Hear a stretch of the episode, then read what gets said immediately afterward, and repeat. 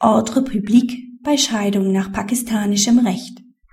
Die Anwendung des Talak nach pakistanischem Recht verstößt nicht gegen den Ordre public, wenn auch der andere Ehegatte geschieden werden möchte und mit der Scheidung ausdrücklich einverstanden ist. Dies gilt selbst dann, wenn der Ehemann den Talak in Abwesenheit der Ehefrau ausspricht. Beide Ehegatten sind pakistanische Staatsangehörige, die in Deutschland ihren letzten gemeinsamen Aufenthalt hatten. Sie leben dauerhaft getrennt. Der Ehemann hat den Talak mündlich in Abwesenheit der Ehefrau ausgesprochen und beantragt nun beim Amtsgericht die Scheidung. Die Ehefrau stimmt dem Scheidungsantrag zu.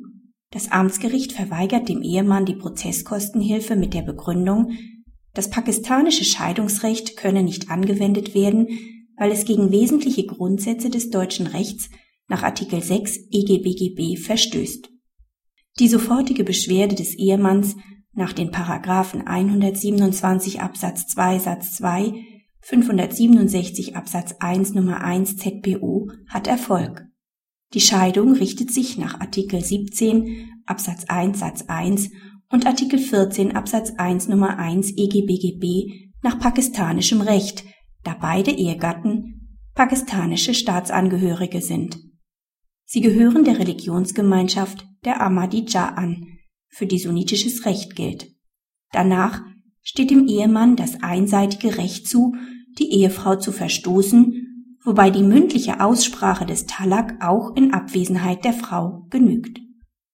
Artikel 6 EGBGB steht dieser Anwendung des Talak nicht entgegen. Es kommt allein darauf an, ob das konkrete Ergebnis der Anwendung des pakistanischen Rechts aus Sicht des deutschen Rechts zu missbilligen ist. Da der Ausspruch der Scheidung auch dem Willen der Ehefrau entspricht, verstößt die Anwendung des Talak in diesem Fall nicht gegen den Ordre public. Das Amtsgericht kann auch nicht seine Zuständigkeit für den Ausspruch des Talak verweigern. Es spricht die Scheidung in einem Verfahren nach der ZPO aus. Der Talak bildet den Scheidungsgrund.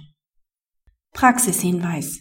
Das Oberlandesgericht bejaht zutreffend die internationale Zuständigkeit der deutschen Gerichte, stützt dies aber auf 606a Absatz 1 Satz 1 Nummer 2 ZPO, ohne die Brüssel IIa Verordnung zu beachten. Die Brüssel IIa Verordnung ist immer vorrangig zu prüfen, wenn ein Auslandsbezug gegeben ist. Ein Bezug zu einem anderen Mitgliedstaat ist nicht erforderlich. Eine Restzuständigkeit nach den nationalen Vorschriften ist nur gegeben, wenn sich keine Zuständigkeit eines Mitgliedstaats aus Artikel 3 Brüssel IIa Verordnung ergibt